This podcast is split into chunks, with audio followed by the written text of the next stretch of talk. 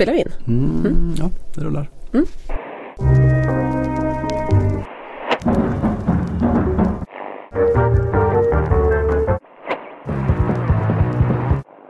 God morgon, god eftermiddag eller god kväll var ni nu än befinner er och när ni nu befinner er. Eh, det här är Simon Bank och Johanna Frändén för ovanlighetens skull och exklusivitetens skull i precis ett och samma rum.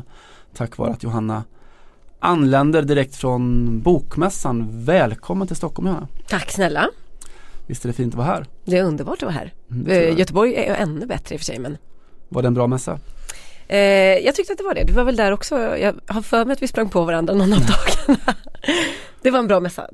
Jag bröt upp i tid den här gången. Vilket innebär att jag inte var med på slutet men eh, det var väl roligt. Eh, lyssnade på Glenn Hussein och hans son Anton som eh, inte har skrivit en bok. Ja det hade han väl gjort också i och för sig men de ska lansera någon tv-serie. Eh, det var, annars var det väldigt lite fotbollskoppling på mäss- mässan i år. Glenn Hysén är en av få som faktiskt har skrivit eller gett ut fler böcker han har läst. Ja, eller han är väl ändå ganska många fotbollsspelare som har gjort precis samma sak. Vi ska återkomma till en annan kanske senare i, i podden idag. Gott valt. Eh, en eh, tungrodd podd kanske eventuellt. Eh, det blir så lätt efter en tung bokmässa. Men eh, vi tar väl eh, lite avstamp i det som faktiskt har hänt. En väldigt fotbolls och derbystinn helg. Det var derby i Madrid till exempel. Eller derby madrileño säger man väl. Mm. Med inga mål och ingen målskytt då. Alltså jag tänker på Cristiano Ronaldo, mannen som gjort flest mål av alla i det där derbyt. Nu var han inte med.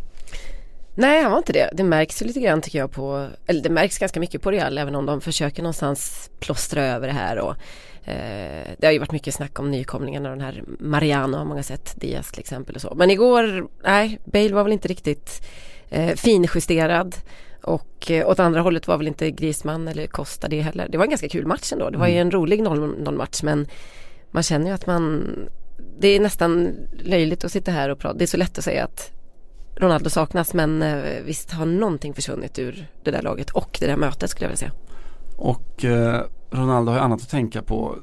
Till exempel såklart att han inte gör så mycket mål som man väl hade, som han väl hade väntat sig i, i det lite tuffare Serie A. På sätt och vis tuffare, i alla fall defensivt och organisationsmässigt tuffare Serie A.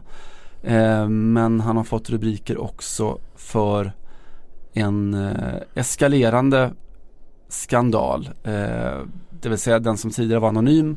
Fallet som ju dök upp med inom fotbollens variant av Wikileaks, eh, Football Leaks. Eh, en kvinna som anklagar honom för eh, våldtäkt i Las Vegas för, vad är det nu, nio år sedan. Mm, någonting. 2009, ja precis. Eh, som Der Spiegel har skrivit om tidigare. Eh, den här kvinnan har nu valt att gå ut med namn och bild och eh, upprepa sina, sina vittnesmål. Vad, vad tänker vi kring det? Nej, jag, alltså när jag läste Der Spiegels första text för ett år, 2017 var det ja, efter Football Leaks. Så är det, det är nästan den mest eh, smärtsamma liksom, fallbeskrivningen man har läst, i, tycker jag i alla fall inom, det finns ju otroligt mycket liknande fall inom eh, världsfotbollen. Jag menar det finns ju en hel, man, man kan väl säga att eh, män som anklagas i alla fall för sexuella övergrepp och trakasserier och så, och så vidare är ju överrepresenterade inom modern eh, toppfotboll. Det går inte att säga något annat. Det är eh, alltid svårt att avgöra vad som är sant eller inte. Men att läsa Der Spiegels första väldigt, väldigt genomarbetade och otroligt källtunga får man ju säga Tex var, tyckte jag, lite som ett slag i magen. Och Sen hände väl det där som tyvärr väldigt ofta händer att man det liksom fejdar ut lite grann och man tänker inte på det och så ser man Ronaldo eh, i en Champions League-final och eh, ett, uttåg ur VM och så vidare. Och så tänker man ändå bara på honom som Ronaldo. Men nu, det här kom tillbaka med full kraft. Jag tycker jag kan verkligen varmt rekommendera, även om det är ganska svår läsning, den här eh, långa text nummer två som har kommit i veckan då i, i Der Spiegel och man vill göra sig en bra bild. Nu är den utifrån en intervju med den här kvinnan men han har ju gett alla, alla möjligheter att, att eh, kommentera och svara på det och det har ju Ronaldo-sidan inte velat göra så att den är ju gjord med största journalistiska fingertoppskänsla skulle jag bedöma det hela. Och det är Der Spiegel som har gjort det. Det är klart det betyder att det inte är Daily Star utan det, det äger sin, sin journalistiska tyngd. Sen så ska ju juridikens malar mala som juridikens kvarnar maler. Eh, men det man väl kan säga i korthet dra är att Der Spiegel hävdar också att man då genom Fotboll League har kommit över eh, mailkonversationer mellan eh, Cristiano Ronaldo och hans, hans juridiska team. Där han då ger sin bild av eh, då, alltså enligt då man utgår från att de här eh, uppgifterna och läckorna är korrekta. Vad som, som skedde i, i Las Vegas och som du är inne på det är så oerhört starka citat, så oerhört starka bilder eh, av hur han, alltså det som han redogör för i, den, i det samtalet, i den mejlkonversationen är ju något som på, går inte att tolka på något annat sätt än, än att det har varit ett övergrepp ju. Nej. Att det, den här kvinnan eh, han, han, han säger att hon, hon sa nej, hon sa stopp. Eh, att det var, kanske inte förekom något våld men att det definitivt var eh, ja, att han, han väl i princip förstod att, att det här inte var någonting som hon egentligen ville. Nej, precis. Och att det här också, eh, det är viktigt att påpeka det, det här är ju inte en eh, polisundersökning där han säger det här, för varför skulle han göra det? Utan det här är ju såklart när hans juridiska ombud hör av sig till honom och då måste han ju berätta vad som har hänt så de vet på vilket sätt de ska försvara honom, det är deras uppgift såklart. Eh, och de här orden eller den berättelsen var ju inte tänkt att komma ut någonsin men eh, nu gjorde den det av allt att döma så är det äkta dokument för Football Leaks har ju i alla fall hittills inte vad jag vet visat sig innehålla några falska dokument. Eh, jag tycker också att berättelsen är värd att läsa även om ni har kanske sett några artiklar på eh, våra svenska tidningar, våran till exempel. Så är det värt att ta sig tiden och gå igenom hela händelseförloppet också. Man vill göra, få en bild av den här allmänna idén om kvinnor som anmäler kända män för våldtäkt och så vidare. Att man väldigt ofta tror att det handlar om, eller det finns någon, någon form av förförståelse om att det här är kvinnor som vill tjäna mycket pengar och som vill nå viss berömmelse. Och eh, i det här fallet kan man se att hon har gjort i princip allt för att det inte ska komma ut vem hon är. Det, var, det, var, det, det har ju till och med hindrat processen. Hon har varit rädd helt enkelt. Hon har varit livrädd och hon ville inte heller eh, bli ett namn. Hon ville på något sätt göra upp med honom eller an, först och främst anmäla honom och sen hitta ett, ett, en överenskommelse, en settlement som det ju Eh, kallas, eller som man ju använder sig av oftast i det amerikanska juridiska systemet. Där eh, namnen aldrig skulle komma ut helt enkelt. Och eh, Football Leaks ligger ju inte hon bakom på något sätt utan det kom av en helt annan kraft och nu eh, säger hon ju då att skillnaden från eh, när det hände och när jag drog igång den, den här, eh, ja, anmälde och så vidare så och nu är att eh, metoo har inträffat och jag har känt, jag satt och, och läste de här kvinnornas vittnesmål en efter en efter en under förra hösten då såklart.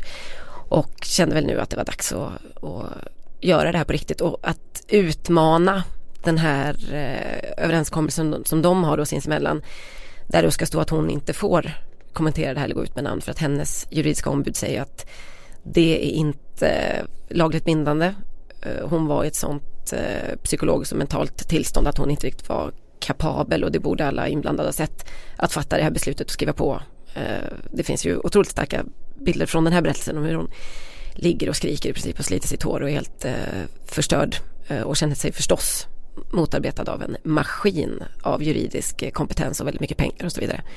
Catherine Majorga heter hon. Vi ska väl ge henne ett namn också. Och mm. Det finns egentligen tycker jag, alltså återigen med, med brasklappen att det här är en, en, liksom en pågående process och det här är eh, inlagor från olika håll och jada jada jada och så vidare och så vidare och så vidare. Vi, vi kan ju bara call it as we see it som de säger på engelska att det, det är en, en extremt trovärdig journalistisk publikation som står bakom. Det är eh, Football Leaks, eh, en Wikileaks eh, ett avskott därifrån som som Johanna säger, som du säger tidigare har haft, haft rätt i många saker de säger. Det som slår mig liksom som gör mig, eh, ja, som slår mig helt enkelt det, det är egentligen tre saker med det här. Eh, det första, eh, du pratar om att det liksom finns en överrepresentation bland, bland eh, våra stora världsstjärnor vad gäller liksom just den här sortens av kriminalitet som det handlar om. Eh, vilket såklart i längden beror på att den moderna fotbollsvärlden på absolut toppnivå är ju en någon sorts äggkläckningsmaskin för psykopater. Det är unga människor, unga män som får eh, en extremt eh, liksom utsatt position på jättemånga sätt men också extrem form av bekräftelse på ett plan i sina liv från att de är liksom 14, 15, 16 år och extrem eh, liksom kapitalstyrka. Ett extremt, eh, ja, en extrem eh, övermakt på det sättet. Samtidigt som ingen någonsin kräver att de ska utveckla andra egenskaper som, som krävs för att bli en, en hel och fullkomlig människa. Den ena saken. Eh, den andra saken är väl att det är så intressant att se det här som någon sorts parallellfall till det som händer i USA nu med Brett Kavanaugh. Eh, alltså eh, regeringens då förslag och Trump-administrationens förslag till, till högsta domstolen som är en oerhört, oerhört tung post. Alltså den är på sätt och vis tyngre än presidentens roll för att mm. den handlar om att, att liksom skapa lagar som kan, kan vara giltiga sedan i hundra år framöver. Och i Brett Kavanaughs fall så handlar det om tre kvinnor som har kommit ut och anklagat honom för sexuella övergrepp. I de flesta fall så är det väldigt, väldigt eh, gamla händelser. Och det är ju lätt att opponera sig mot det att men herregud vad ska han ställa till ansvar saker som hände när han var 17, 18, 19 år. Som hände för 40 år sedan i princip. Men eh, då får man skilja på juridiken och moralen i det fallet. Att just eftersom det handlar om en sån position där du som handlar om värderingar, som handlar om moral, som handlar om förtroende så oerhört hög utsträckning så, så eh, blir allt sånt där oerhört, oerhört viktigt och tungt vägande. Och Brett Kavanaugh, man kan säga mycket om det men det är inte så att det har gått under radarn direkt. Det har inte fallet Ronaldo heller gjort men på många plan så har det ju inte blivit den sortens ramaskri eller, eller upprördhet som man kanske hade kunnat tänka sig att det borde bli. Nej. Nej precis och, det, och där får man väl nästan bara, jag kan bara utgå från min, min, egen reaktion som jag berättade om som var just det här att man blev, det var otroligt beklämmande att läsa den här första texten förra året.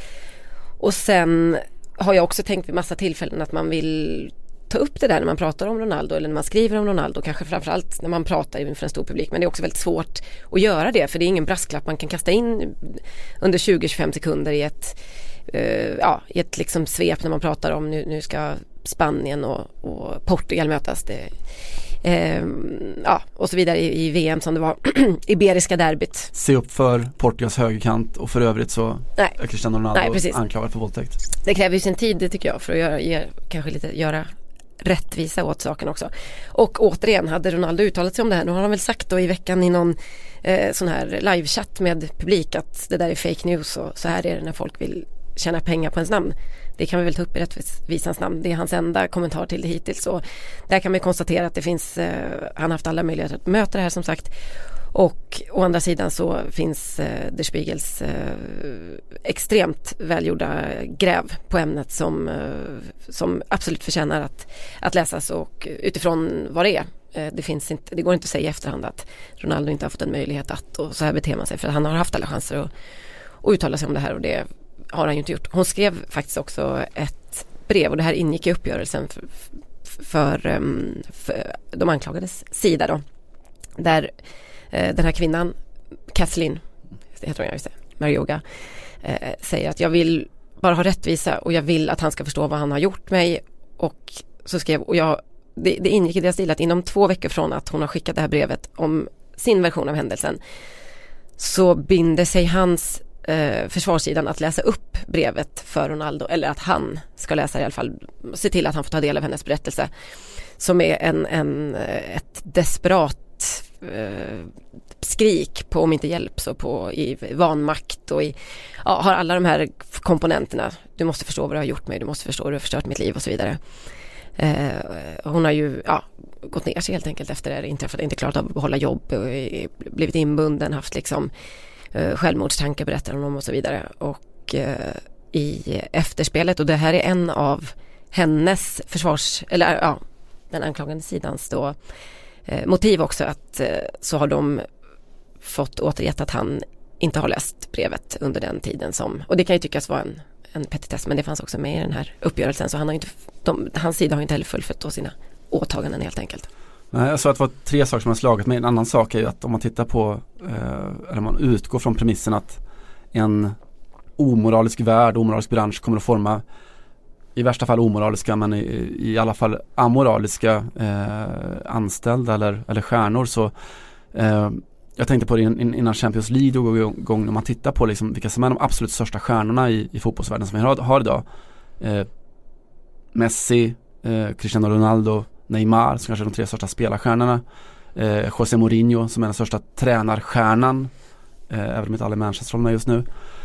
Så de fyra har i alla fall en sak gemensamt att alla är fällda eller erkänt eh, skattefiffel eh, och blivit belagda med eller i alla fall åtalade för då eh, skattebrott och, och dömts till villkorliga fängelsestraff.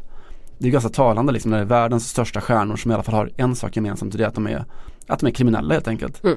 Eh, för att så ser, så ser fotbollsvärlden ut idag. Mm. Det är också talande liksom att allt det här händer på samma sätt som Brett Kavanaugh, eh, den här högsta domstolen, kandidaten. Eh, det var också så att kvinnorna pratade om att hade det inte varit för metoo så hade man kanske inte kunnat göra det här. Man, man såg att det fanns en styrka, att det fanns ett sätt att faktiskt kunna få saker att hända och det finns många sidor av metoo. Det finns eh, absolut eh, liksom negativa folkdomstolinslag i, i det där och så men, men just den kraften att göra att, att människor som har mått dåligt kanske i 40 år över någonting nu känner att man har styrkan att berätta vad som faktiskt har hänt för att det faktiskt kan hända någonting. Mm. Det är otroligt. Det är, vi firar ju ett år eh, i dagen här av eh, metoo upproret mm. eh, och någonting har ju bevisligen hänt. Ja precis, frågan är vem som står på eh, motsatt sida från skattesmitarna som kan bli den sidans metoo-prejudikat för det här är det inte som att där tvingas de ju till det här eh, själva till slut, eller det blir såklart eh, offentligt både i eh, Mourinhos och Ronaldos fall och så vidare. Men det, det rinner ju verkligen av de här stjärnorna. Jag vet att jag skrev om det i eh, Aftonbladets, eh, en bilaga som heter Inside för något år sedan kanske. Där eh, jag konstaterade att mer än halva Barcelonas startelva var antingen, som den såg ut då i alla fall, eh, anklagad eh, eller dömd för eh, skattebrott. Å, eh, åtalad eller dömd ska jag säga. Och Eh, det var i samband med att eh, flera PSG-stjärnor hade blivit utsatta för en gryningsräd helt enkelt av polis som knackade på, knackade, det gör de knappt ens. De går väl rakt in och eh, letar efter material. Ehm, och där ser man ju också hur det fullkomligt kommer bort i rapporteringen. Eh, och det är väl inte rimligt att det ska vara ett stående epitet men att det är så att det accepteras av så otroligt många eh, på ett, liksom att den här tystnaden eller att, att vi glömmer bort det eller liksom inte gör någon stor sak av det är ju accepteras ju kollektivt på något sätt. För att vi är medskyldiga också antar jag, för att vi, man är en del av hela den här branschen, man, man bygger upp saker och man, vi är publik och vi konsumerar och vi står där och, och betalar för den. Jo men det gör vi, men sen så, så, kan vi ju skriva rubriker i tre, fyra, fem dagar om en ful tackling mm. eller om ett rött kort eller var det en medveten uh, filmning till exempel. Alltså den, där, där blir fotbollspubliken kring, otroligt kring, indignerad. Ja.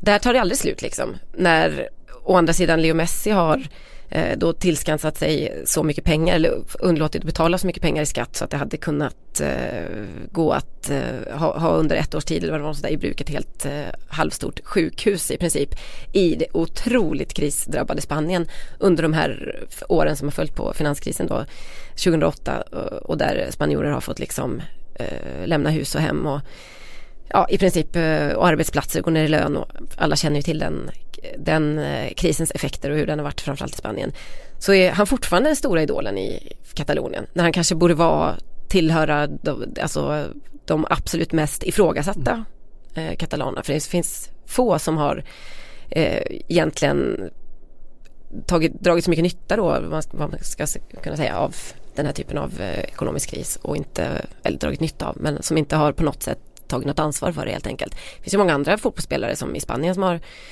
som som är medvetna och, och pratar om det här och Ike Casillas har vi pratat om tidigare han, och många av de andra de som är riktiga framförallt de som är väldigt väl förankrade skulle jag säga i sin hem och lokalmiljö. Vi har ju pratat om det tidigare i podden.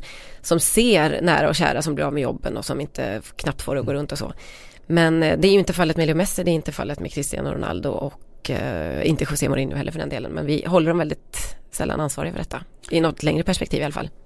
Det är intressant och det Vi snackade ju, den här podden drog igång före VM och då pratade vi liksom om, om eh, ja, vad, vad, som skulle hända och vi pratade om det sportsliga och det politiska och alltihopa. Sen, en av de stora sakerna som faktiskt hände under VM, eh, om man skulle liksom utropa någon form av vinnare eh, i VM utöver N'Golo Conte som vi mer än gärna gör. Mm. Så en av de som vann VM var ju utan tvekan Julia Guimarães, eh, den här brasilianska tv-reporten som var en av flera kvinnor som under, under sin yrkesverksamhet i VM då blev antastad av en glad och oförstående då, supporter som eh, kysste henne i, i, på kinden eller försökte kyssa henne på, på kinden i, i, när hon står och, och i direktsändning ska, ska rapportera i någon sån här ståuppe. Eh, och hon reagerar som alla rimligen borde rekommendera, men, eller reagera, men som de flesta såklart först kommer på en, en halvtimme efteråt.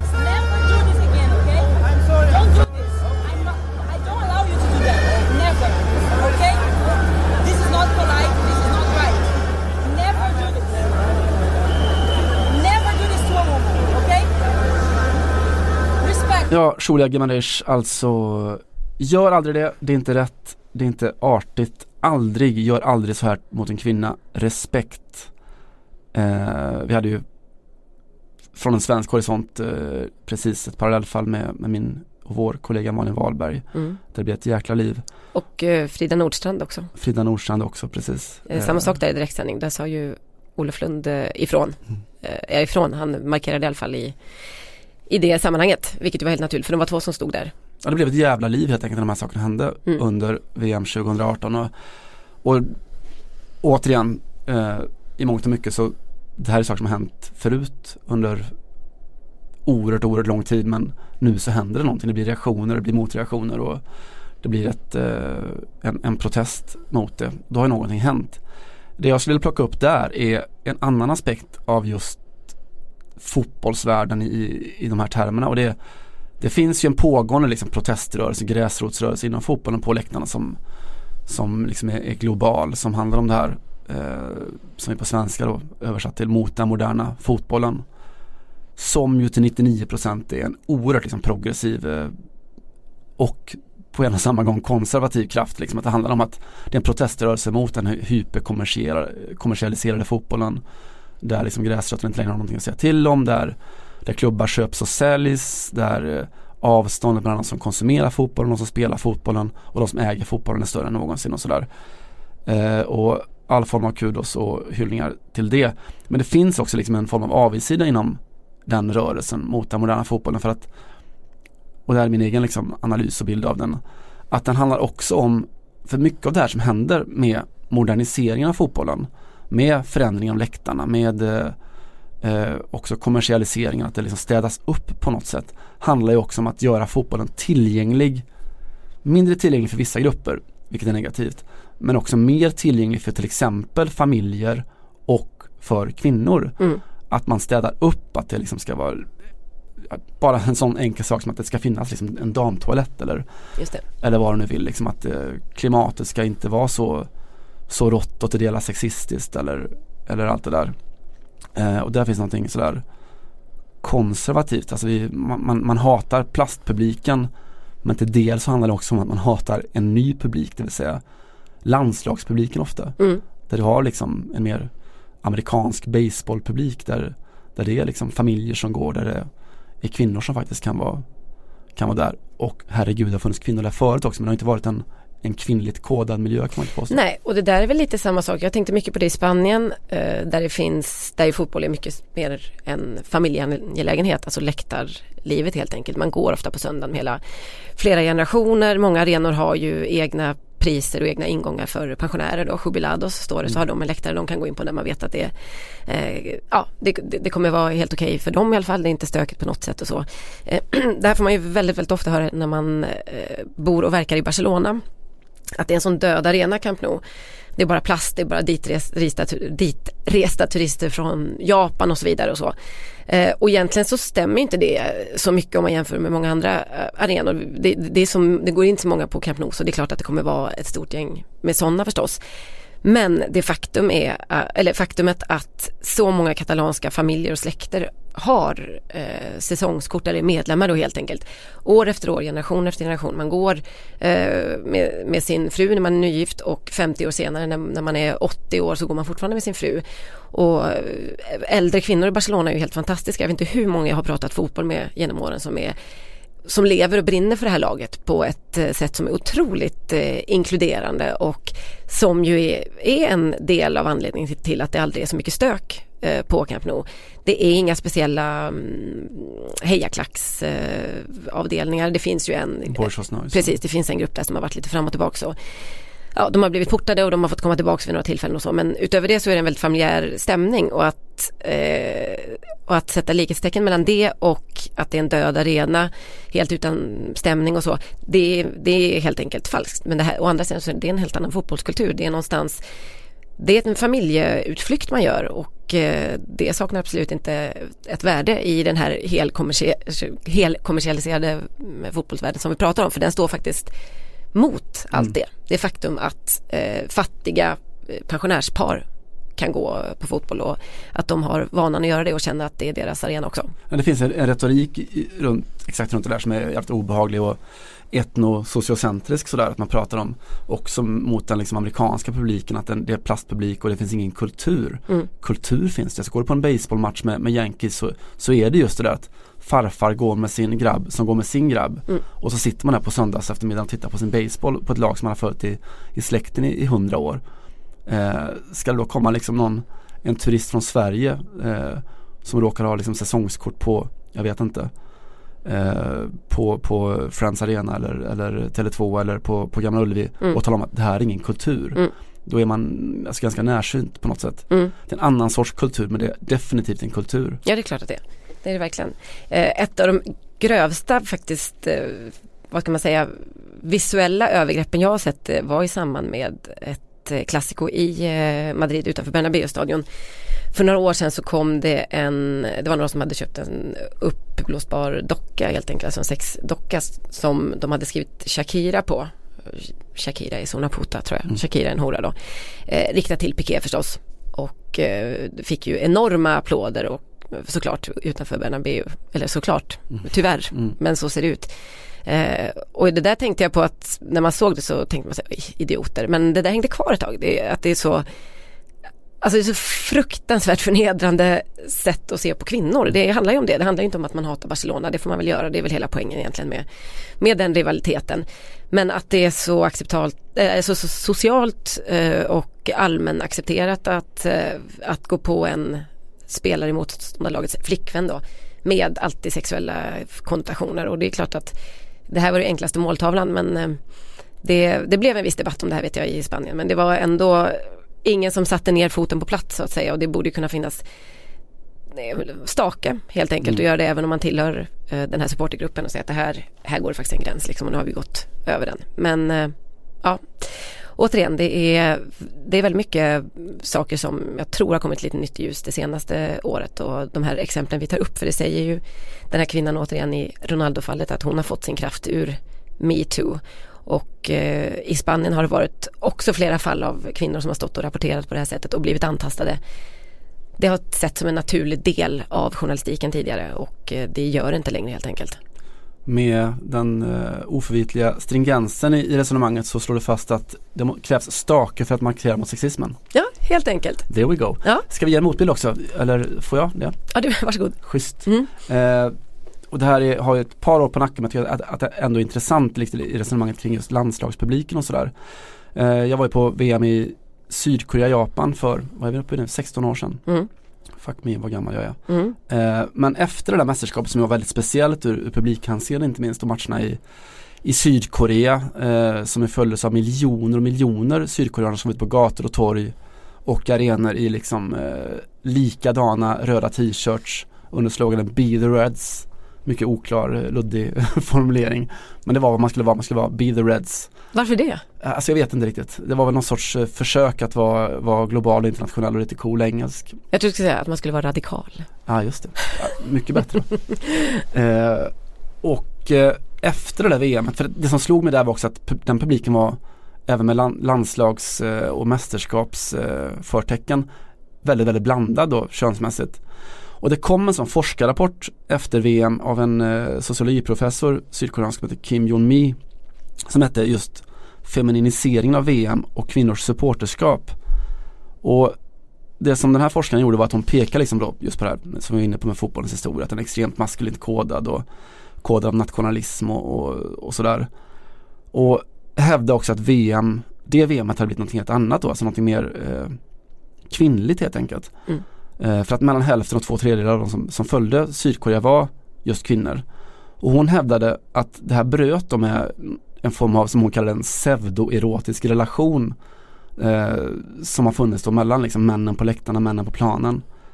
Eh, och det som hände i Sydkorea var ju att VM blev ett sätt att kvinnor började följa fotboll, de började spela fotboll, eh, de började gå på matcher helt enkelt. Och att det liksom orsakade någon form av instabilitet i så traditionella könsroller i ett väldigt då eh, konservativt land på, på just de sätten. Mm. Eh, och att det liksom också var besläktat med en form av sexuell frigörelse faktiskt. Att det blev, det var liksom första gången som som det blev så att flickor, unga kvinnor kunde älska män, och bli subjekt i det och visa det liksom. Alltså en form av indirekt sexuell laddning såklart att du, du står på läktaren och, och älskar männen som springer där nere liksom i, Mm. I tajta shorts Mm. och allt det där. Eh, att det blir som ett, ett, ett skifte mellan objekt och subjekt i allt det där. Ja just det. Eh, och att det blev liksom en, en katalysator just det mästerskapet för könsrollerna i hela, hela Sydkorea. Mm. Fascinerande. Den eh, moderna fotbollen kan göra sådana saker också. Den kan ju det. Och ska man återvända till Ronaldo så alldeles oavsett vad som har hänt i, i det här fallet och så kan man ju konstatera att han har ju varit en eh, frivilligt eller ej en ganska så stor kraft i den här idén om eh, vad en fotbollsspelare är rent, eh, rent fysiskt, rent sexuellt. Alltså det vet ju alla att de det värsta liksom spe han har fått utstå har ofta handlat om att han är bögig, eh, kvinnlig, alldeles för fåfäng, alla de här sakerna. Vi pratade om honom tidigare tror jag i en podd att han till exempel är, om inte en förkämpe så i alla fall uttalat sig positivt till sam, samkönade äktenskap och så vidare. Så att det finns ju också den, här möts eh, de här två ämnena i en ganska ohelig allians då för att det ena tar ju så att säga inte ut det andra här. Men eh, det är ändå intressant att se hur eh, vissa spelare och David Beckham på sin tid såklart blir sådana otroliga både måltavlor och sen någonstans frontfigurer utan att själva vara särskilt politiska eller inte alls var det kanske.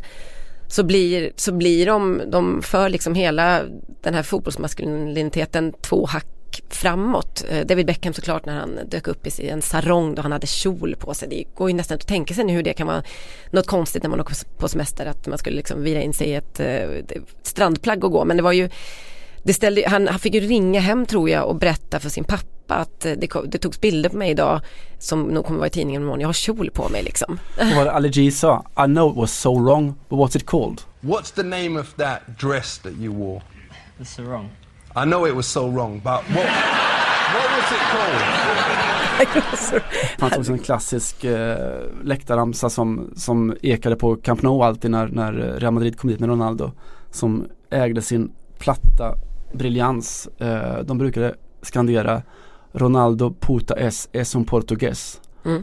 Att han, eh, ja Ronaldo är en hora, han är portugis. Mm. Det var liksom, jag vet inte riktigt vad som var, var, var konsekvensen och, och, och, och fanns i det men ja det var så enkelt. Mm, vad var värst helt enkelt? Och jag vet inte varför, om man var, om man var hora för att han var portugis, om man var portugis för att han var hora, oklart det också.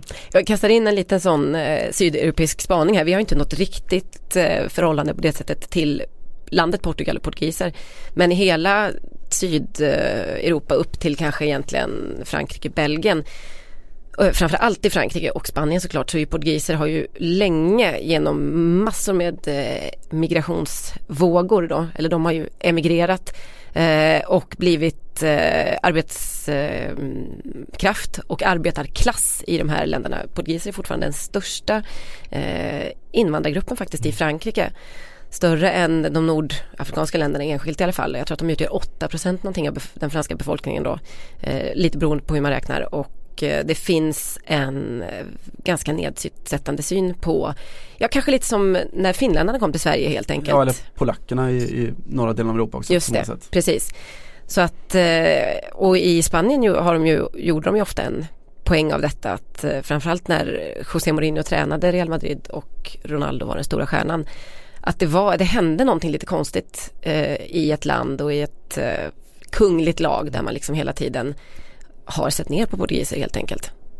Och det är ju just det fascinerande med Cristiano Ronaldo är också att han är, han är från Portugal med allt det som, som du berättade precis. Och han är också från Madeira som i Portugal ses över axeln.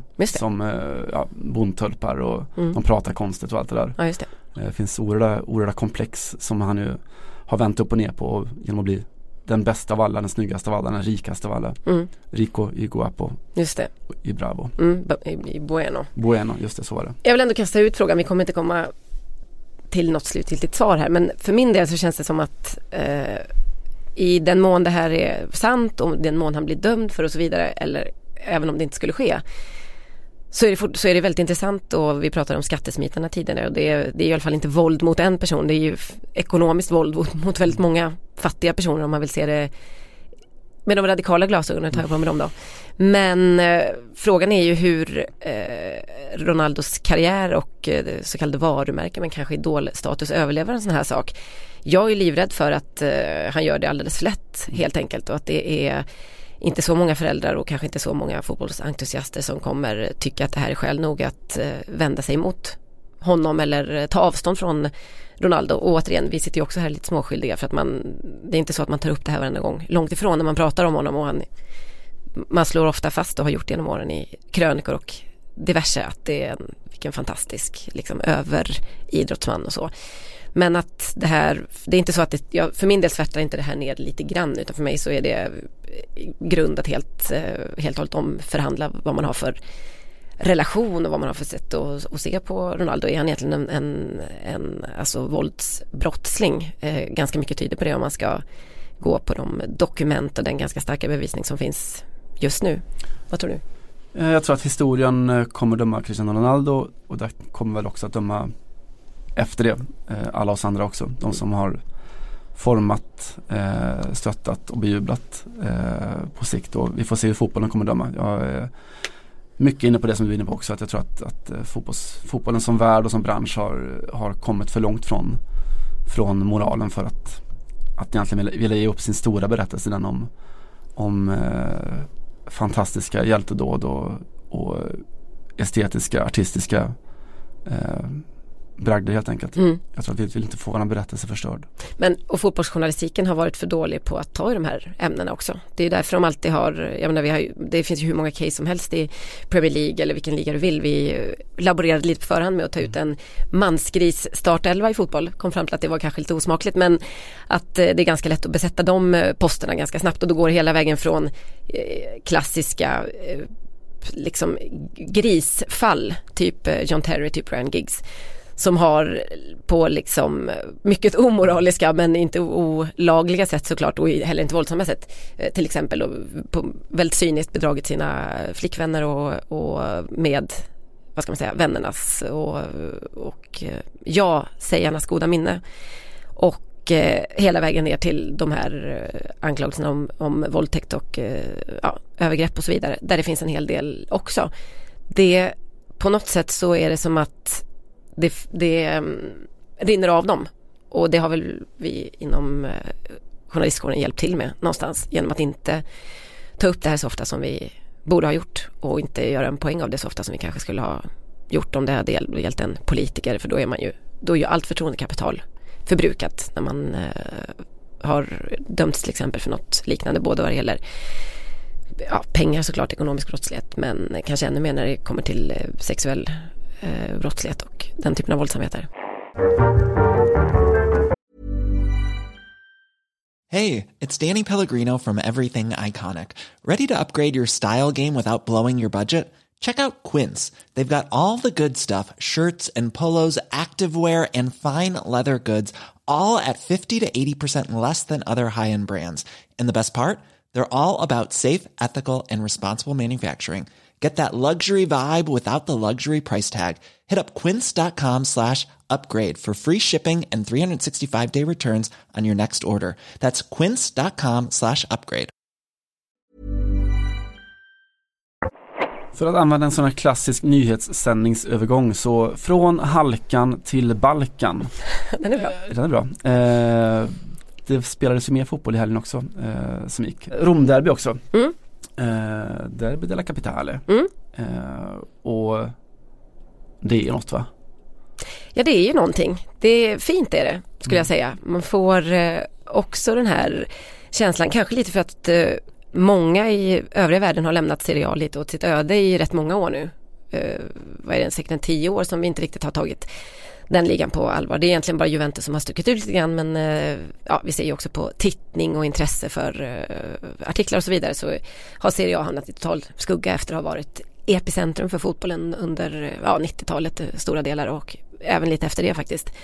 Det var lite egentligen när Zlatan försvann därifrån mm. första gången skulle jag säga när han lämnade Inter då för Barcelona. Efter det så har inte så har vi inte följt det så väldigt noga från, från svenskt håll och inte från resten av världen heller och därför är det roligt att se de här matcherna när man eh, blir påminn om hur otroligt stor den där matchen är. Jag har ju själv bott i Rom och gått på de här derbyna och minns ju också hur eh, den där känslan av att folk två, tre veckor innan pratar om det här så, och har ont i magen och det är verkligen det stora samtalsämnet. Det spelar inte så stor roll om det är lite Champions League innan dess och några andra matcher. Man kanske till och med ska möta Juventus eller Napoli men Il Derby. Mm.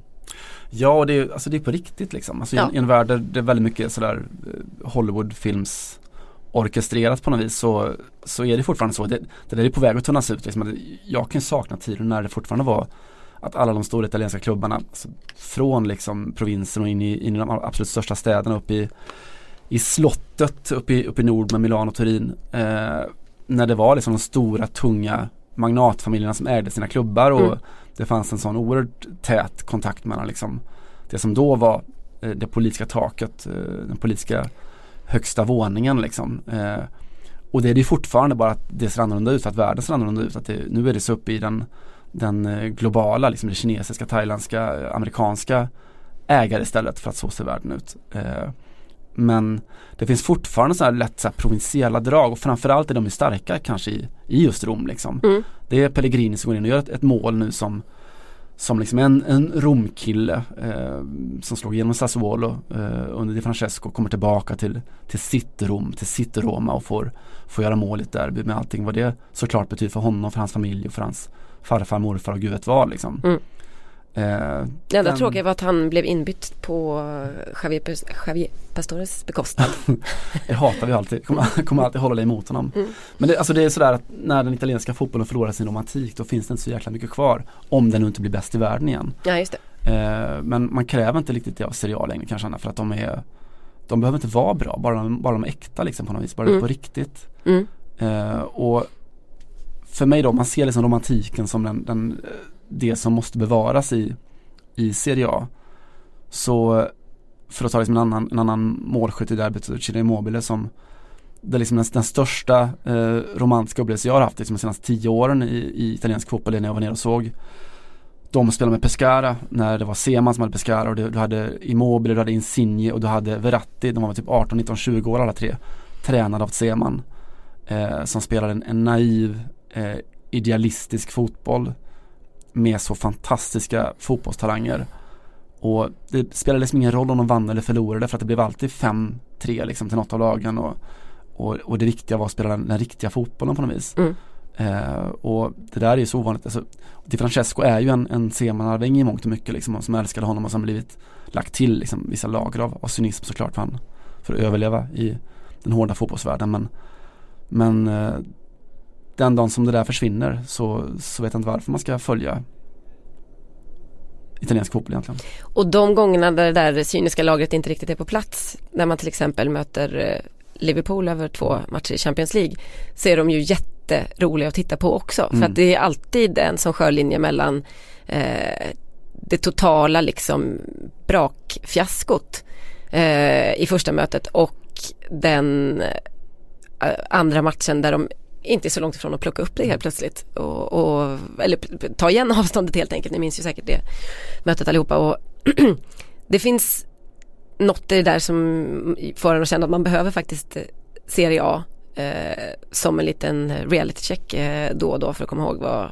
vad det är som räknas. Och man behöver Francesco Totti men han, har, han fick ju sluta här om året och det var ju, tyckte många, eh, kanske ett år för sent. Eh, vissa tyckte säkert att det kanske var fem år för sent.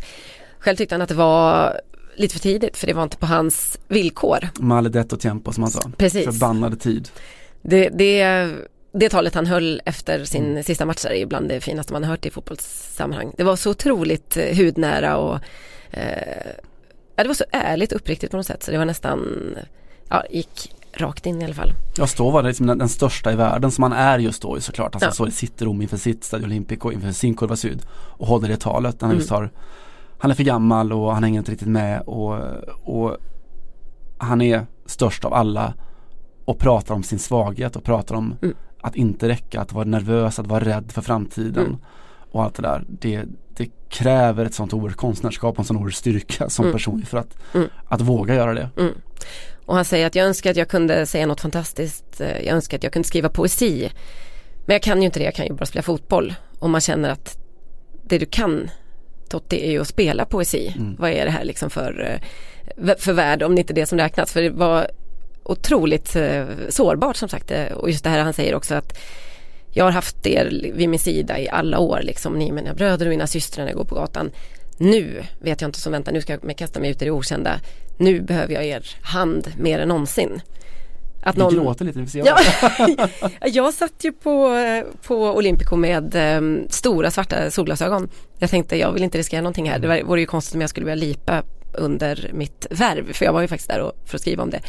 Men det var inte långt ifrån ibland och det handlar inte så mycket om eh, att man älskar Francesco Totti för det gör man ju förstås. Men det handlar också om att se den här, eh, kanske för sista gången i ett så pass stort sammanhang ändå, en hel eh, en hel hemmaplik, alltså en hel stadion och en hel stad och på många sätt ett helt land men framförallt kanske den här staden som förvisso är delad i två men som slöt upp kring honom till och med Romas eh, eller till och med Lazios tifosi skrev ju ett, ett litet meddelande till honom att han var en legend och det gick inte att snacka bort och så vidare och så. Eh, och återigen, kommer det någonsin ske på de nya, den nya fotbollens villkor? Jag undrar det. Nej, och det där är ju sett som, alltså om vi ska sitta här och mästra en svensk fotbollspublik eller idrottspublik så snacka om att göra sig själv större. Eh, alltså att vara en, en, eh, en fientlig publik, en motståndarpublik som är så stor så att man kan hylla den som varit en största hatobjekt i, mm. i 20 eller 30 år för att visa att vi förstår, du är, det här handlar inte om oss, handlar inte om vi och dem utan det handlar om, om oss allihopa, om, mm. om fotbollen. Mm. Eh, vi pratade om, om, om Madrid-derbyt förut och vet att jag var nere och såg eh, den här klassiska matchen när Ronaldinho eh, körde över Real Madrid på egen hand. Fredag Sergio Ramos och, och sådär. Eh, och den slutar ju med att, att hela Santiago Bernabéu ställer sig upp och applåderar konsten. Just det. Lite som Juventus gjorde med, med Cristiano Ronaldo också. För att visa att det här går över oss liksom. Det här är mm. något annat. Och förlorar de på det? Förlorar man Nej, de visar ju att de är Det är ett sätt att vinna en match som man redan har förlorat på något vis. Mm. För att vad du än gör så Vi står ett steg över det. Mm. Eh, någonstans. Jag är också glad att du säger att eh, Totti spelade poesi för det ger mig en, en fin övergång att, att gå in i att prata om någon, en, eh, en romersk ikon också som, som hävdar att den sydamerikanska fotbollen är poesi och den europeiska är är prosa på många sätt som sa också att eh, vid sidan av litteraturen och erotiken så är fotbollen ett av våra få, en av våra få njutningar, våra få, få stora njutningar. Och eh, då pratar jag lite om, och jag var inne på förut med, med romantiken eh, i Italien och eh, vill lyfta upp eftersom det här är den sortens podd, Pier Paolo Pasolini. Givetvis. Eh, som, en kapten av sitt eget, sitt eget slag, i sin egen rätt. väldigt mycket så, vi känner honom som eh, den stora, det stora enfant terrible inom filmen eh, som gjorde, om ni inte har full koll på honom så spelade han alltså in filmer, han var en, en homosexuell filmskapare, en oerhörd skandalmakare som eh, gjorde filmer som väl eh, väldigt explicit visade eh, ja, petting, om man med petting menar att människor kissar och bajsar på varandra och slår varandra. Vilket man ju menar i vardagligt tal såklart. Vi är ändå från Östergötland. vi har ju ändå haft upp Eskil Erlandsson här i våran podd tidigare så att vi, alla dörrar är öppna. You know what our rules are here! I really couldn't help it, signore, with all the horrible things they made me eat all day. What is your name? It's Doris, Mr. President. She's the most undisciplined of all our girls. Från Eskil Erlandsson till Pier Paolo Pasolini. Via eh, Totti. via Totti. Och eh, Pasolini, alltså det här är ju begränsningen med att ha en, en, en podd, det auditativa formatet. Men jag kräver av er alla att ni medan ni lyssnar går in på, på Google och surfar lite grann på Pier Paolo Pasolini och, och fotboll för att se bilderna av världens kanske snyggaste fotbollsspelare genom tiderna som inte spelade fotboll. Han gjorde det, han älskade sin fotboll, född i Bologna uppvuxen under 20-30-talet när Bologna var eh, Italiens bästa lag, ett eh, fantastiskt fotbollslag. Och han slutade egentligen aldrig spela fotboll, han spelade liksom 6-7 timmar i, i stöten. Eh, han kunde spela i kostym, han kunde spela i, i fotbollskläder, ofta då i sitt eh, rödblå eh, Eh, ställ och det finns en sån oerhört fin historia, jättekänd i Italien såklart, men kanske inte lika känd i Sverige om när han och och eh, Bruno Bertolucci, eh, också stor filmskapare som tidigare då var eh, Pasolinis regiassistent. Eh, och de sägs det ska hamna lite på kollisionskurs efter att Pasolini uttalade sig lite hårt om, om Bertoluccis eh, sista tangon i Paris eller något så. Mm. Eh, men att de då på något sätt slöt fred när de spelade in eh, Bertolucci spelade in sitt, sin stora Nessun Dorma, den här Novecento 1900 heter de på svenska och eh, Pasolini tror jag spelade in Salò eh, som på svenska heter Sodom och Gomorra de sista dagarna, hundra sista dagarna och sånt där. Och de bestämde sig för att arrangera en, en fotbollsmatch mellan eh, de olika eh, inspelningsteamen helt enkelt. Bertolucci satt på läktaren och hejade. Eh, Pasolini själv spelade högerytter som han alltid gjorde. Eh, Bertoluccis Novecento-lag vann eh, enligt olika uppgifter med, jag tror det var 5-3 eller 18-13. Eh, det var inte så noga med, med statistiken. Var på Pasolini blev så vansinnig så att han, han, han, han rusade därifrån eh, för att han ville alltid vinna. Han har sagt väldigt mycket fina saker om fotboll eh, och han försvarade alltid romantiken eh, i fotbollen. Fotbollen som eh, på något sätt lockade fram det bästa och som var en, en åskådaridrott, en eh, sorts demokratisk mötesplats för människor. Och han hade inte tyckt särskilt mycket om den här eh, nya framväxande fotbollen. Pasolini mördad eh, av förmodligen maffian eh, alldeles för tidigt. Just det.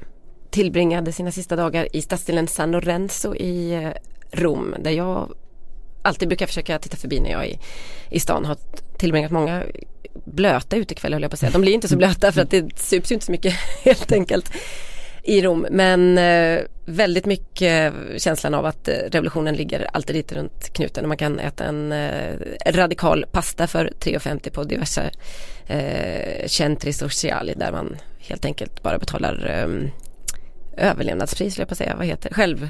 Just det, självkostnadspris. Tack så mycket. Mm. Eh, och så vidare. Jag ska bara peta in här att eh, Totti eh, är ju fortfarande i allra högsta grad levande och eh, är väl en sportchef som någon så här ackompanjante. Han kan inte så mycket än så länge. Kanske kommer han aldrig riktigt lära sig eh, liksom förhandlingsstrategi och sådana saker. Men han är väldigt behändig att ha med och visa upp i eh, att det har ett värde i sig och det tycker jag man kan köpa. Han har eh, utkommit med en bok nu i veckan och Det är lite det jobb jag har på Sportbladet kan jag känna. det är lite det. Det är inte en dålig arbetsbeskrivning. Absolut inte. Nej. Eh, Un Capitano i alla fall eh, är hans eh, senaste då kanske enda riktiga självbiografi.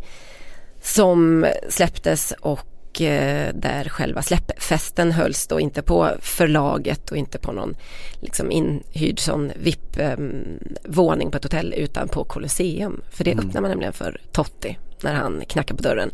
Eh, det finns, eh, även om ni inte hänger med i vad som sägs, så titta lite på det också. Det finns eh, fantastiska scener från när allehanda fotbollsstorheter dyker förbi och pratar lite med Totti på, på scenen, Ranieri bland annat då, som ju själv är romare och berättar lite om hur det är att ta över ett romerskt lag och hur man beter sig när det går dåligt och hur, vad, det för, vad man får för styrka av det när det går bra och så vidare.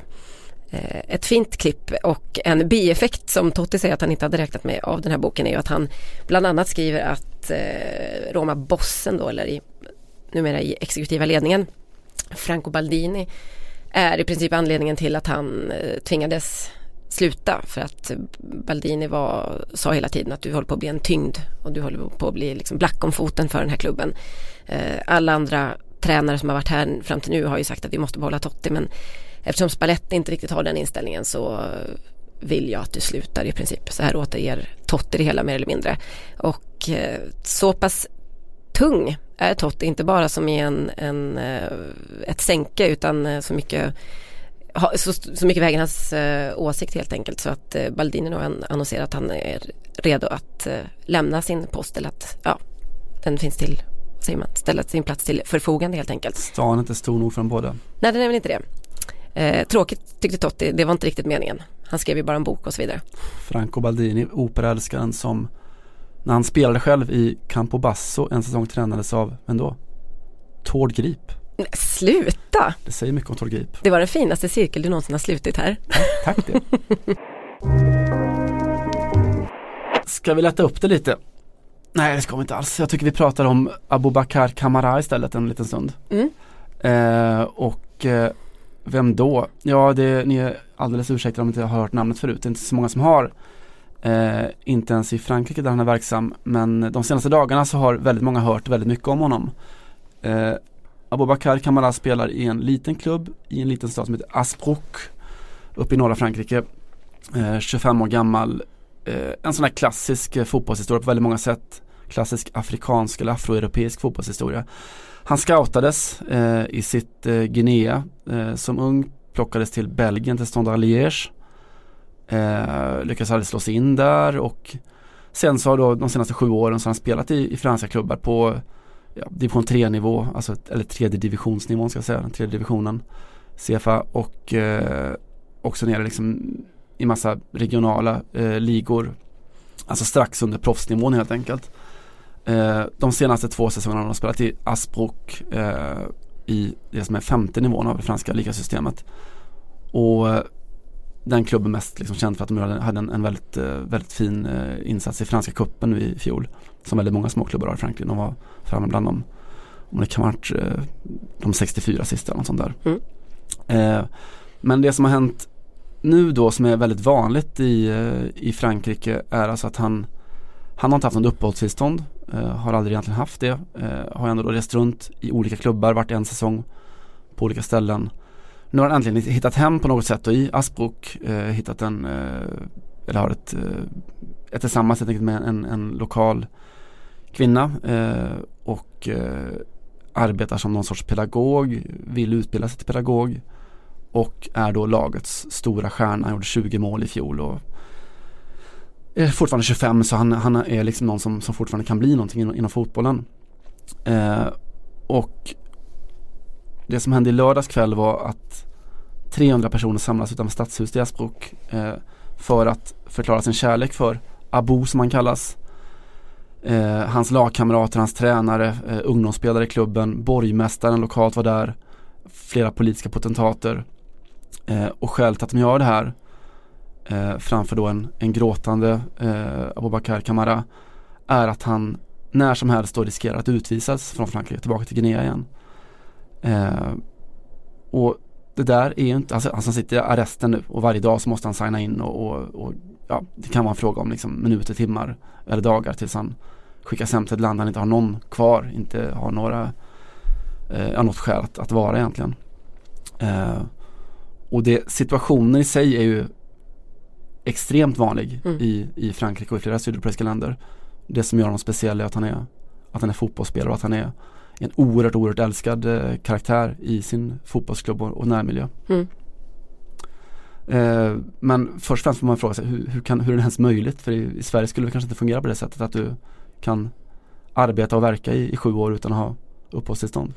Nej, alltså det är ju oftast så gör man ju det, eller det är ju alltid någon form av svarta kontrakt men sen är det väl inte min uppfattning i alla fall den franska statsapparaten har ju inte den kontrollen och framförallt så är också rättigheterna och opinionen skulle jag säga i Frankrike ganska ofta på den här, de här människornas sida och det är inte alltid på något sätt av eh, några liksom bombastiska moraliska skäl utan väldigt många fransmän använder sig av svart arbetskraft som är papperslösa invandrare då eller ja, eh, migranter. Les sans papier kallar man dem. Det är någonting som nästan alla franska medelklass och övre medelklass och kanske till och med överklass fransmän har någon form av förhållande till för det är de som städar trappuppgången i huset, det är de som passar barnen, det är de som lagar mat ibland hos de här familjerna. Det är inte så särskilt stigmatiserat att vara utan papper som man säger ofta så jag känner flera stycken som både jobbar med eller på något sätt har eh, i sin eh, närmsta kretsen har flera, eh, mycket afrikaner då såklart. Och då brukar man säga att den och den har problem med papprena. Vilket ju är, tycker jag, ett ganska sympatiskt mm. sätt att eh, mm. ja, liksom förklara hur det ligger till utan att peka ut någon på, han har inte fått sina papper än eller ja, hon har problem med sina papper och så vidare. Eh, väldigt, väldigt vanligt. Eh, ett väldigt uppmärksammat fall minns ni från tidigare i år var det väl den här, frans, eller den här Eh, Eh, mannen som klättrade upp på en fasadklättrare blev han känd som, nu har jag inte hans namn eh, helt färskt i skallen men som inte tvekade att klättra upp flera våningar på ett eh, hyreshus där ett litet barn hängde ut för balkongen och höll på att trilla. Eller höll på, ja, trilla ner helt enkelt. Och där, här kan man diskutera proportioner och vad man, vilken typ av hjälteinsatser som ska krävas för att få uppehållstillstånd för det fick han ju såklart och medborgarskap direkt i Frankrike och blev inbjuden att träffa presidenter och till och med Marine Le Pen, den stora högerextrema ledaren i Frankrike, ja, underlät väl sig att gå med på att det här var den typen av eh, nya fransmän vi har nytta av i princip. Så att eh, det där är väldigt, väldigt, det är en väldigt komplex eh, fråga. Eh, jag kan uppskatta att man behandlar den så mycket mer komplex i Frankrike än vad vi gör i den svenska debatten där vi är lite nyvakna kring det här ämnet och eh, det har blivit en sorts, ett väldigt politiskt slagträd där det, som det inte på samma sätt är faktiskt i Frankrike. Det, det vi kallar parallellsamhällen och rättslösa människor och så vidare är, i, Frankrike så är det till exempel den här lagen om eh, skolarisation som man säger, att alla barn ska gå i skolan, står skyhögt över Eh, att man ska kasta ut gömda då. Vilket innebär att eh, alla barn till eh, papperslösa och så vidare går i skolan. Eh, och det finns skolbussar som åker runt och hämtar upp dem i princip för att den eh, skolplikten är så pass eh, respekterad. Och det finns också väldigt många rektorer och, och diverse skolpolitiker ehm, och så vidare. Men framförallt stora elevförbund faktiskt som ju har protesterat när barn har skickats hem. Och för några år sedan så var det en historia om en, en romsk tonårig flicka, Leonarda, som blev ett riktigt sånt um, ett namn som hördes överallt i Frankrike. För där kom, hon, hon var inte EU-migrant utan hon var rom från Serbien tror jag, utanför uh, EU i alla fall. Och uh, blev då tagen av polis för att skickas hem ut, på väg hem från skolan. Och till och med det upplevde många fransmän var ett så grovt brott mot uh, barns rättigheter. Och skolplikten och så vidare så att eh, det var eh, massor med eh, studenter och elever som, och vanliga människor som demonstrerade och manifesterade mot detta överallt i hela Frankrike. En, en lite annan bild och lite andra proportioner och en helt annan tradition såklart av att hantera detta mycket komplexa mm, ämne. Ja, det visar behovet av det. Alltså det är ju, alltså skälet att, att jag tar upp Kamara är väl lite att det när saker ställs på sin spets och man inte riktigt är förberedd på saker. Att det, det vi hamnar ju där i Sverige på sätt och vis nu också med liksom eh, flyktingar som är här och ska de skickas hem, ska de inte skickas hem och det i någon slags sökan efter att vara, ha en, följa, för, följa juridisk, eh, den juridiska långa, långsamma gången så blir man, för att man vill vara så human som möjligt antar jag, eh, så blir man ju totalt ohuman till slut. Alltså vi, vi ser liksom varje kväll på nyheterna så är det bilder av, av unga eh, flyktingar som, som pratar god svenska och som pratar om att de vill läsa till läkare och så vidare. Eh, och som inte har någonting att åka hem till men, men lik förbannat så ska de skickas ut. Mm.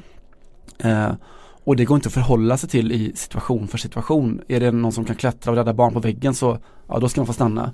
Är det inte det, är det någon, någon som bara sopar gator så ska de inte få det utan man måste ha ha en, en moralisk hållning eh, som baseras på någonting annat alldeles oavsett vad den moraliska hållningen är. Så, Men så där kommer ju fotbollsspelarna in också för det är, det någon som är Exakt. bra på fotboll så ska det räknas lite annorlunda. Precis så. Eh, eller väcker andra känslor i alla fall. Precis, då mm. står det 300 på torget och, och, och applåderar. Eh, Men i förlängningen handlar ju egentligen det bara om en sak och det handlar ju om att eh, en stor grupp av människor, fotbollssupportrar eller eh, vad du vill, människor i en viss position har fått eh, ett ansikte mm. på den här typen av eh, migranter och satt sig in i vad det mm. betyder. Alltså man får i alla fall någon form av emotionell närhet till problemet som är väldigt eh, svårt att uppbåda om det handlar om ett kollektiv på 9000 gymnasieungdomar till exempel eller så. så att, eh, det är i alla fall en, eh, även om frågan är svår och det slår väldigt olika vem man väljer att ta i försvar här så är det ändå en, eh, skulle jag säga i alla fall ett det är bättre än inget vill jag säga här. Absolut, det finns ju, men det, alltså, du pratar om sans papier, alltså de, de papperslösa. Det finns en undergrupp som är de ansiktslösa också. Eh, och för att förhålla sig till dem så kan man kanske inte bara eh, gå på känsla alla gånger. Nej. Men det är, det är, också intressant för både i, eh, den frankofona kulturen och den eh, hispanofona säger man väl, mm. så har vi ju namn för här. Les Papier finns redan på Victor Hugos tid med i berättelsen om eh, ringaren i Notre Dame till exempel. Eh, och eh, clandestino är ett ord som mm. alla känner till. Det, det görs popmusik och protestmusik och filmer kring de här också på ett sätt som i alla fall visar att det här är länder som har en lite längre, eh, har ett längre, längre, perspektiv och där de inte är ansiktslösa precis som du säger och är de det så, så finns det i alla fall en politisk kraft som talar för deras sak på ett inte så nyvaket sätt som vi gör kanske i Sverige. Om vi nu vill vara inte så genomdeppiga eh, i den här podcasten så kan vi minnas vad Victor Hugo sa eller ska ha sagt som sina sista ord på dödsbädden. Vad sa han då? Han sa Jag ser svart ljus. Ja, ja. Där har ni poesin igen. Mm. Eh, ska vi sätta streck i debatten där eller? Vi får nästan göra det. Jag tror det. Det blev tungt. Hoppas att ni har tålamod med oss. Nästa vecka ska vi prata klackisar och snygga mål och, Och Eskil Erlandsson. och Eskil Erlandsson. Vad är det mer vi gör? Vi tipsar om saker. Ja, du har redan tipsat om lite filmer. Jag har tipsat en del om filmer. Jag kan Mm. väl återvända till det möjligen då. Eh, och jag nämnde Bertoluccis 1900. Eh, som är ett, ett praktverk eh, om mellankrigstiden eh, och framåt eller 1900-talets historia egentligen i, i, i Italien. Eh, med ett, eh, en fantastisk skådis-setup. Alltså grund, grundberättelsen handlar väl egentligen om om eh, bondpojken Olmo eh, som spelas av eh, Gerard Depardieu på den tiden han inte var den Depardieu han är nu. Eh, som då ställs mot eh, markägarsonen eh, Alfredo spelad av Bob De Niro. Och vill ni inte se hela filmen, men det vill ni ju, eh, så kan ni i alla fall se slutscenen. Eh, som är, Bob, kallar du, är det så ni pratar om varandra när ni hörs? Ja, ni alla är inte Bob med De Niro. Jag är. Jag var inte det kan jag säga. Eh, och den här slutscenen just för att den är, är den kanske snyggaste cirkelslutningen som jag har eh, någonsin sett på, på film. Den kan man se utan att avslöja för mycket så, så handlar den om, om när Alfredo och Olmo eh, som har stått på olika sidor i kriget, olika sidor om fascismen, eh, partisanismen eh, möts åldrade och jävliga eh, och återvänder till sin sin barndoms lekar på ett oerhört effektfullt sätt. Man kan se den på, på Youtube är jag säker på. Eh, om man vill bryta mot lagen och det vill man ju. Eh, vi är inte sponsrade av dem kan nej, vi säga. inte, inte det. Och den är fin, dels för att det är ett fantastiskt eh, manusarbete, oerhört visuellt och starkt. Och parat med kanske sämsta skådespeleri som jag någonsin sett i filmhistorien. Mhm. Vill man nu inte se filmen så kan man i alla fall eh, om man är ute och reser se en eh, målning, en tavla som är lite som tema för för Novecento. Eh, en målning av Giuseppe Pellizza da Volpedo som heter Quarto Stato, alltså det fjärde ståndet och som hänger på Museo del Novecento just i Milano alldeles bredvid domen. Eh, det är ganska många, tror jag i alla fall, som åker på en fotbollsresa eller så till Milano. Då ska man inte missa den för att få en, en bild av eh, första halvan eller tidigare 1900-talet i alla fall och den politiska utvecklingen i Italien när eh, partisanerna och arbetarna reser sig ur leran och dammet och tågar fram. Det var väl radikalt nog. Mycket. Eh, jag ska inte vara sämre såklart när jag väljer utgångsmarsch. Vi har varit i Italien, vi är i Italien i princip. Och eh, vi har pratat eh, Pasolini och motstånd och världens mest kända vill jag påstå partisansång som faktiskt är en gammal italiensk folksång men som blev någon form av symbol symbollåt eller ett eh, anthem som man väl skulle säga på engelska för eh, det antifascistiska motståndet där eh, kring andra världskriget och på 40-talet men som har även använts i en hel del kvinnosakssammanhang eh, sammanhang efter det, framförallt på 70-80-talet i norra Europa också. Den låter så här och vi ses nästa vecka.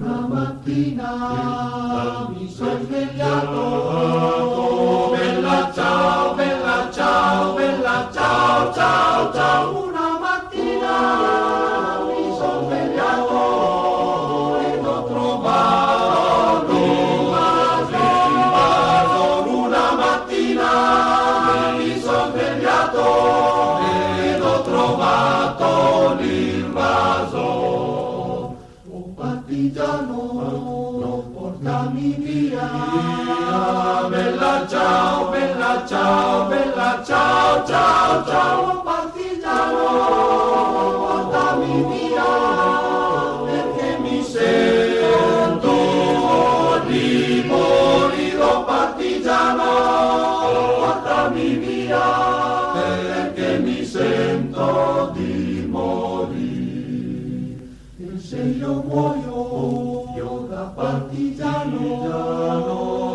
Bella ciao, bella ciao, bella ciao, ciao, ciao.